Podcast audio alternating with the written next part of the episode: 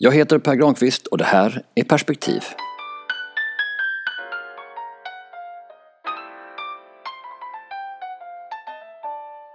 Den stora inskränktheten. Trots sin uppenbara användbarhet upprör ordet hen fortfarande. En man skrev att han ansåg ordet så avskyvärt att han omedelbart slutade läsa de texter på ledarsidorna i Sydsvenskan och Helsingborgs Dagblad där ordet användes. Vad hans indignerade mejl framkallade för tankar hos mig kommer han alltså aldrig att få veta då han redan slutat läsa den här texten vid det här laget. Inskränkthet börjar just så, i det lilla. I diskussionen om vårt nyaste av personliga pronomen saknas flyktingarnas röster. Nog hade det varit intressant att ta del av vad de som talar turkiska och persiska tycker om hen. Eftersom jag förstått att det inte ens finns några könsspecifika pronomen på dessa språk. Upplever även dessa människor avsky över det faktum att en person då inte kan identifieras med en kön i en viss text vid ett visst tillfälle?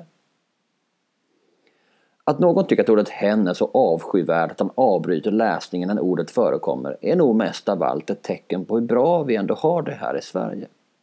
Flyktingarna har viktigare, mer grundläggande saker att tänka på.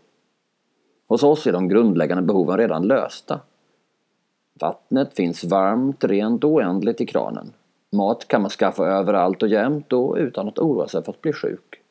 Kläder finns i mängder och billigt.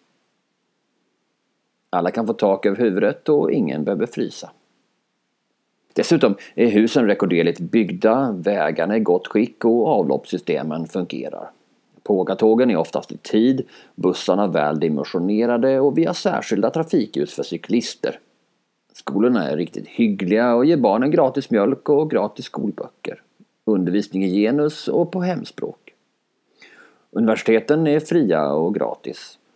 Sjukvården bygger på forskning och empati och kostar inte dig någonting oavsett om du behöver vårda tanden, handen eller få vård i hemmet. De som jobbar i polisen, som tjänstemän i kommunen och tillsynsmyndigheten ber inte om mutor och skor sig inte på vår bekostnad. Funktionsnedsatta får hjälp att klara sig, utsatta får ekonomisk hjälp och om någon blir av med jobbet finns det folk som hjälper till att hitta ett nytt. När det slängs papper i parken, kissas i kommunala simbassängen eller kräks på bussen finns det folk som tar hand om det också. Det flyktingarna häpnar över i Sverige är inte detta, eftersom de haft det ungefär likadant i sina hemländer innan krigen förstörde allt. Det som får dem att häpna är vår oförmåga att inse hur bra vi faktiskt har det. Det tidiga generationer byggt upp tar senare generationer för givet. Vi ser inte ansträngningen som krävs för att skapa det vi har och glömmer bort att det kräver ansträngningar för att bevara. Vi tar värmen som så självklar att det blir en rättighet att kunna gå i t-shirts och shorts vintertid inomhus utan tanke på några konsekvenser. Vi tar maten som så självklar att vi slänger 30% av den. Vi ser oss som vidsynta men öppnar inga dörrar för de vi inte känner. Halvnakna och mätta unnar vi oss lyxen att sitta hemma och välja vilka problem som vi vill uppröras över. En del väljer ordet hen